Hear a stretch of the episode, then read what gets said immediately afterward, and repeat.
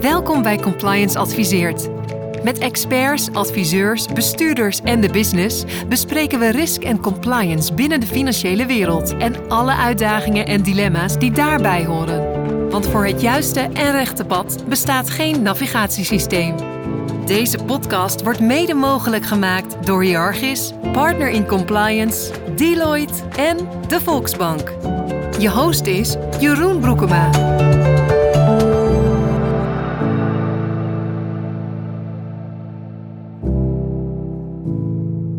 Welkom luisteraars bij een nieuwe aflevering van Compliance Adviseert. Dit betreft een korte aflevering waarin we een sanctie-update bespreken met Sebastiaan Benning, een bekende van de podcast. Maar toch, Sebastiaan, allereerst welkom. En zou je toch nog even willen benoemen eh, wie jij precies bent en wat jij eigenlijk allemaal doet? Dankjewel uh, Jeroen en uh, leuk uh, ook hier weer bij te zijn. ik ben advocaat en ik specialiseer mij op het gebied van enerzijds sanctierecht en anderzijds exportcontrolewetgeving. En in die hoedanigheid sta ik bedrijven en financiële instellingen op dagelijkse basis bij voor wat betreft advisering over die rechtsgebieden. Helder. En ik kan me voorstellen dat dit altijd een belangrijk onderwerp is geweest voor financiële instellingen, maar dat de afgelopen jaren dit wel heel erg in de schijnwerpers is komen te staan. Klopt dat? Dat klopt uh, zeker. Um, ook ten aanzien van met name Rusland. Um, het Rusland-sanctieregime bestaat al sinds 2014, naar aanleiding van de illegale annexatie van de Krim uh, door Rusland. Maar wat er zich heeft afgespeeld in het afgelopen jaar na de inval in 2022, in februari 2022. Wat we sindsdien hebben gezien aan nieuwe sanctiewetgeving, uh, dat die, die is ongekend geweest. En de ontwikkelingen die daaromheen zich hebben voorgedaan, die zijn zo groot geweest voor dit rechtsgebied, uh, dat financiële instellingen hadden al hun uh, zaken redelijk goed op orde wat betreft Amerikaanse sanctieregelgeving, maar nu voor wat betreft Europese sanctieregelgeving komt er nog een heel, hele hoop extra maatregelen bij. En ik kan me zo voorstellen dat het een ongelooflijke hoeveelheid uh, nieuw werk met zich heeft gebracht voor financiële instellingen. Ja. Nou ja, en je noemt al even Rusland. Hè. Dat is natuurlijk de, de grootste trigger geweest als het gaat om al die sanctiepakketten. En wat ik interessant vind, is even qua, qua updates, hè, om een paar geografieën met je langs te lopen. Want de wereld lijkt redelijk in brand te staan. Hè. Dus we hebben Israël, uh, Palestina. We hebben het hele verhaal rondom China, hè, waar natuurlijk heel veel spanning ligt. Uh, ASML nu veel in het nieuws. Maar even starten bij, uh, bij Rusland. Waar staan we nu? Want wat ik me herinner is dat er constant nieuwe pakketten worden afgekondigd. Waar zitten we nu? Bij welk pakket en wat zijn daar de, de, de updates van? We zijn nu bij het elfde sanctiepakket. Het twaalfde sanctiepakket is aangekondigd. Maar wat er nu ligt is uh, een elfde sanctiepakket waarbij, de, waarbij men met name is gaan zitten op het tegengaan van omzeiling van het EU-Rusland sanctieregime. Waarbij een aantal nieuwe beperkingen zijn ingesteld waarmee ook entiteiten in derde landen geraakt kunnen worden. En dan uh, moet je denken aan derde landen, uh, buurlanden van Rusland, die bekend staan, althans nu ook bekend zijn komen te staan als landen waarmee die in verband worden gebracht met de omzeiling van het Rusland-sanctieregime. En dan uh, kun je denken aan Kazachstan, Oezbekistan, uh, Turkije ook, uh, maar ook China.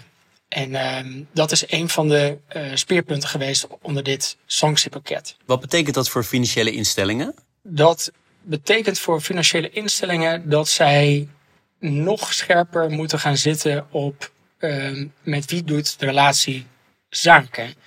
En is dat met een partij in Kazachstan of is dat mogelijk indirect met een partij in Rusland?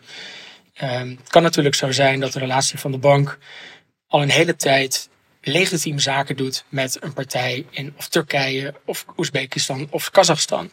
Maar het kan ook zo zijn dat een relatie van de bank sinds vorig jaar heel veel werkzaamheden veel werk heeft verloren door de uh, uh, beperkingen tegen Rusland. En nu opeens aanvragen krijgt uit die omringende landen. En daar uh, financiering voor aanvraagt bij, een, bij, bij, bij bijvoorbeeld een bank.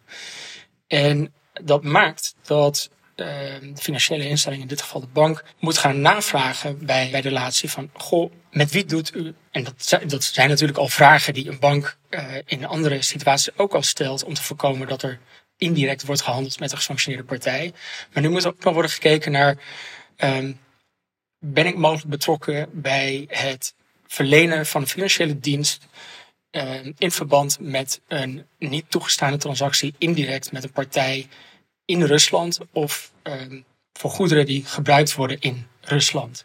Dus dat zijn allemaal ja, vervolgvragen die waar een bank nu uh, na aanleiding van het Eldersanctiepakket nog scherper op zou moeten acteren. En zie je ook dat er uh, aan de toezichtskant ook hiernaar gekeken wordt, of praktischer naar gekeken wordt, dat er ook daadwerkelijk partijen vervolgd worden? Om het niet naleven van deze pakketten? Ja, daar zie je uh, zeker een ontwikkeling. Uh, je ziet al dat er nieuwe of meer zaken worden uh, voorgebracht. Dat is wel ook een ontwikkeling in de afgelopen maanden die zich heeft voorgedaan. Waarbij nou, of nu wel echt een trend kan zien dat er steeds meer uh, zaken worden voorgebracht. Um, en ook zaken die inderdaad uh, direct te maken hebben met omzeiling van het Rusland-sanctieregime, waarbij er zaken worden gedaan met bijvoorbeeld partijen in Kazachstan en er sprake is van doorvoer um, voor, naar Rusland of voor gebruik in Rusland. Ja, en zie je aan de, aan de met name bankenkant of financiële instellingenkant dat men dit allemaal kan verwerken in, in qua menskracht en qua systemen. Want ik, wat jij net beschreef rondom omzeiling, dan krijg je, als ik dan even hardop zit te denken, te maken met heel veel extra landen waar je naar moet kijken. Hè. Dus je moet misschien kijken naar rekeningen in de Oekraïne, in Kazachstan, in Georgië, misschien nog wel hele andere landen. China noemde jij. Is dat te overzien en, en hoe doet een bank dat? Doet een bank dat Um, eigenlijk twee vragen in één. Hè? Maar doet een bank dat door echt alles te checken? Of is daar ook een soort van, nou ja, in de AML-wereld zou je zeggen, risk-based approach? Dat is een hele goede vraag. En je ziet inderdaad dat banken steeds meer mensen aannemen op het gebied uh, van, van screening of transactiescreening. Maar dat ook ja, de bestaande groep die werkzaam is binnen de bank, dat daar steeds meer van wordt, uh, wordt gevraagd. En in die zin wordt, uh, ja, wordt, wordt daar toch wel, ja, wordt er echt heel erg veel van, van de mensen die werkzaam zijn binnen de bank gevraagd, onder een bepaalde tijdsdruk ook. Maar je ziet ook dat vanuit DNB bijvoorbeeld daar al wel een verandering plaatsvindt, of althans voor wat betreft het sanctierecht een verandering plaatsvindt. Dat DNB ook heeft aangegeven, nou ja, bijvoorbeeld ten aanzien van de dual-use goederen screening. Dat is bijvoorbeeld een van de nieuwe maatregelen onder het huidige EU-Rusland sanctieregime. Dat financiële instellingen ook niet meer betrokken mogen zijn bij financiële diensten die uh, het mogelijk zouden maken om gecontroleerde goederen naar Rusland uit te voeren, waaronder dual-use goederen. En even voor de duidelijkheid, dual-use goederen, dat zijn dingen bijvoorbeeld als een chip die je kan gebruiken voor civiele zaken, maar ook zou kunnen gebruiken in een, in een wapen. Exact, exact. Maar het gaat ook om, uh, ge, uh, om het sanctiepakket zelf gecontroleerde goederen. Dus dual-use goederen zijn, is één categorie goederen. En daarnaast heb je nog bijvoorbeeld de andere gecontroleerde goederen die vallen onder de annexen van het Rusland uh, sanctieregime die daar zijn opgenomen. Daar staan ook bijvoorbeeld uh, nu magnetrons op of, of uh, golfballen. Zo uitgebreid zijn die lijsten nu. Golfballen? Ja, en onder andere. Uh, die staan daar nu ook uh, onder. Want die kan je gebruiken als wapen? Nee, ja, er is ook een hele lijst met, met, met luxe goederen. En die worden daar nu onder geschaard. Oh ja, op die manier. Dat ze dat gewoon, dus meer om het regime te raken, omdat ze graag, graag dat soort sporten beoefenen. Ja, nou ja, goed, weet je, het is. het, je moet de rust toch nog ergens kunnen raken. En de, de beperkingen zijn nu wel zo uitgebreid dat men ook kennelijk hiervan van vindt dat die zaken niet meer mogen worden uitgevoerd. Maar goed, dat daar gelaten de, de textiemaatregelen die bijvoorbeeld DNB nu heeft voorgesteld, die lijken er uh, op toe te zien dat er toch een bepaalde vorm van risk-based approach wordt toegelaten. En men eigenlijk zegt van nou ja goed, je zou bepaalde transactiefiltering kunnen toepassen ten aanzien van, van gesanctioneerde goederen. Je zou sectorgerelateerde onderzoeken kunnen laten plaatsvinden. Van, uh, zijn onze relaties in bepaalde sectoren werkzaam die maken dat wij extra aandacht moeten besteden aan de screening op uh, gesanctioneerde uh, goederen of dual-use goederen. En dat er bijvoorbeeld ook een pre-transaction toestemming wordt verleend aan de hand van een voorafgaande transactieanalyse. En, en daarbij zien we wel dat DNB dus in dat onderzoek naar de sanctiewet en de werking daarvan of ruimte laat voor die risicobenadering. En is dat, uh, Sebastian, is dat iets wat komt vanuit eh, Europa? Is dat een Europees brede focus of is dat iets wat toch meer Nederland specifiek is? Nou, kijk, je hebt natuurlijk vanuit de commissie al wel in de FAQ's zie je dat ook terug. Uh, dat de commissie heeft aangegeven dat er een risico uh, of een risk-based approach zou zijn toegestaan bij ehm, de beoordeling in welke mate men te maken heeft met uh, sanctieregelgeving. Daar is vanuit de Nederlandse overheid bijvoorbeeld nog geen eenduidig standpunt over ingenomen. Dus of Buitenlandse Zaken of het ministerie van Financiën zich aansluiten bij DNB of, of bij datgene wat de commissie in de FAQ's heeft aangegeven, dat is nog onduidelijk. Um, de Nederlandse overheid heeft ook geen verplichting om de commissie daar uh, blindelings in te volgen. En de Nederlandse overheid heeft daar ook nog niet zelf een eenduidig standpunt over ingenomen. Dus daar kan ook wel een verschil zijn in het level playing field dat je aantreft bij de verschillende toezichthouders. Ja, ik kan me voorstellen dat het, uh, het bedrijfsleven graag uh, zo duidelijk mogelijk uh, wordt geïnstrueerd. En dat er niet, voor, zeker voor multinationale ondernemingen, niet een, een verschillende interpretatie plaatsvindt. Laten we zeggen in Berlijn in, of in, in Den Haag of, of waar dan ook. Um, nog even als laatste vraag rondom Rusland. Um, jij zei geloof ik in het voorgesprek dat er nu alweer een volgend pakket in de maak is. Klopt dat? Ja, dat klopt de verwachting is dat dat nu gaat voortbeduren op dat elfde sanctiepakket, waarbij men gaat streven naar een uitbreiding van de lijst met uh, gecontroleerde goederen. Um, en dat er wordt gekeken naar welke partijen kunnen we mogelijk sanctioneren in het verband met aantoonbare omzeiling van het EU-Rusland sanctieregime. En daarnaast zou er mogelijk ook nog een verbod komen op de import van, of export ook, van Russische diamanten. Um, en, en, dat heeft met name in, in België tot veel commotie geleid. Maar daar lijken de lidstaten wel een, ja, een overeenkomst uh, te hebben gesloten dat men ook daar uh, tegen wil instellen, tegen die diamanthandel. Heb jij een beeld bij wanneer dat uh, pakket daadwerkelijk naar buiten komt? Volgens mij staat dat nu voor november, eind november of begin december op de agenda. Duidelijk. Het volgende onderwerp zal daar ongetwijfeld doorheen uh, kruisen. Uh, voor wat ja. betreft uh, de, de beheersing van die agenda. Helder. Dit is Compliance Adviseert.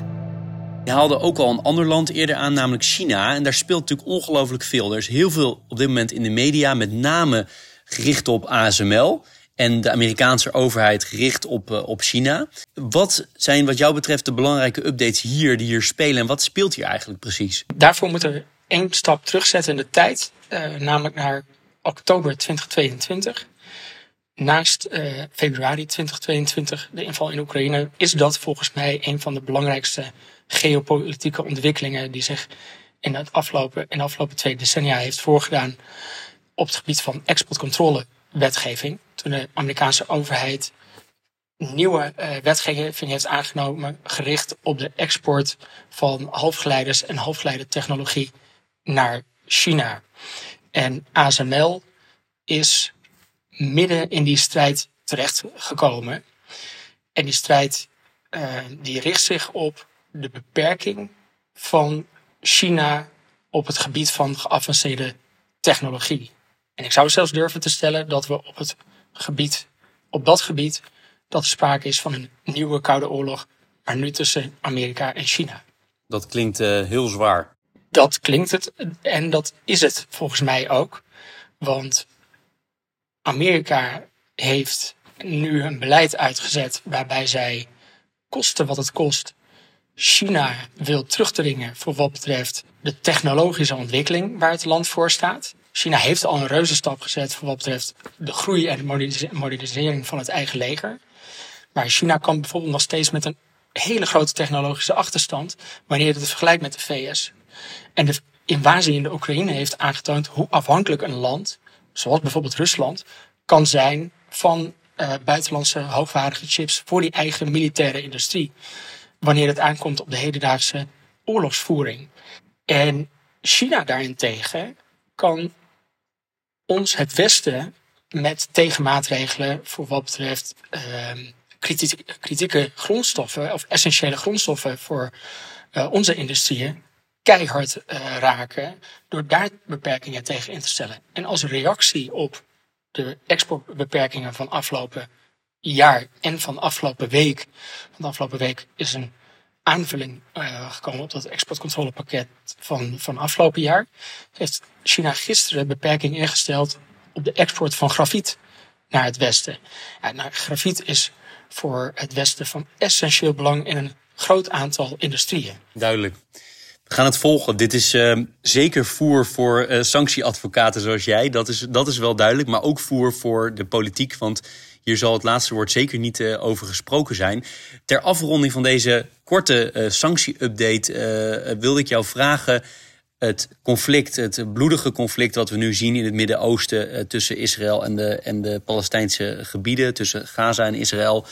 Heeft dat op sanctiegebied, speelt daar al iets? Of verwacht jij dat er iets gaat spelen? op dit moment speelt daar nog, zijn er nog geen ontwikkelingen die maken dat er um, nu een heel nieuw sanctiebeleid tegen bijvoorbeeld Hamas zal gaan, zal gaan gelden. En ik verwacht ook niet dat het Westen een, een uh, sanctiepakket tegen Israël zal, zal gaan instellen, instellen. Ik denk dat dat meer via de diplomatieke weg, dat men daar de oplossing zoekt. Je kan je natuurlijk wel voorstellen dat indien dit conflict escaleert in de regio. Um, en wanneer landen zoals bijvoorbeeld Iran zich um, actief gaan bemoeien met dit conflict, of nog actiever gaan bemoeien met dit conflict, um, dat er dan mogelijk wel aanvullende sancties zouden kunnen worden ingesteld tegen bijvoorbeeld Iran. Uh, maar zover zijn we nog niet. En, en ik heb dat nog, ook nog niet ergens voorbij horen komen dat, dat, dat daar al sprake van is. Maar dit is wel absoluut een van de geopolitieke brandhaarden um, waar men vanuit sanctierechtelijk perspectief, die men nauwlettend zou moeten gaan volgen. Helder. Sebastian, ik wil je heel hartelijk danken uh, voor je tijd. Uh, Sebastian Benink is uh, advocaat en partner van Benink Amar, advocatenkantoor. ontzettend interessant. Dank voor je, voor je tijd. En wellicht doen wij nog eens een sanctie-update. Het is, je, je gooit heel veel interessante onderwerpen op tafel die nou, food for thought zijn om verder over, over na te denken. nogmaals, veel dank voor je tijd. Graag gedaan. En luisteraars, bedankt voor het luisteren naar Compliance Adviseert. Je luisterde naar Compliance Adviseert. Deze podcast werd mede mogelijk gemaakt door Hierarchis, Partner in Compliance, Deloitte en de Volksbank. Meer weten of een reactie achterlaten? Dat kan op onze LinkedIn. Als je ons daar volgt, ben je bovendien altijd op de hoogte van nieuwe afleveringen.